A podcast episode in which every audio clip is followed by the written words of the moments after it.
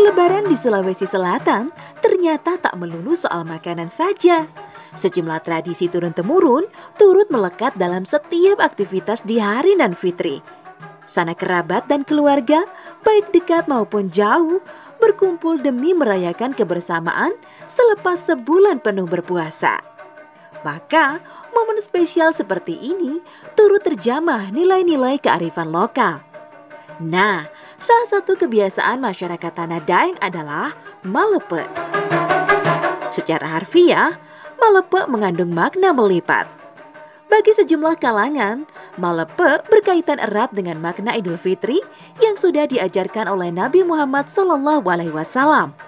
Setelah melewati Ramadan, orang-orang ibaratnya melipat lembaran penuh noda, memberi ruang bagi lembaran baru untuk hati yang suci dan bersih dan juga melepas dosa-dosa dalam diri sendiri maupun dosa orang lain dengan saling memaafkan. Malepe kemudian berlanjut dengan kegiatan silaturahmi ke tetangga, kerabat, dan keluarga.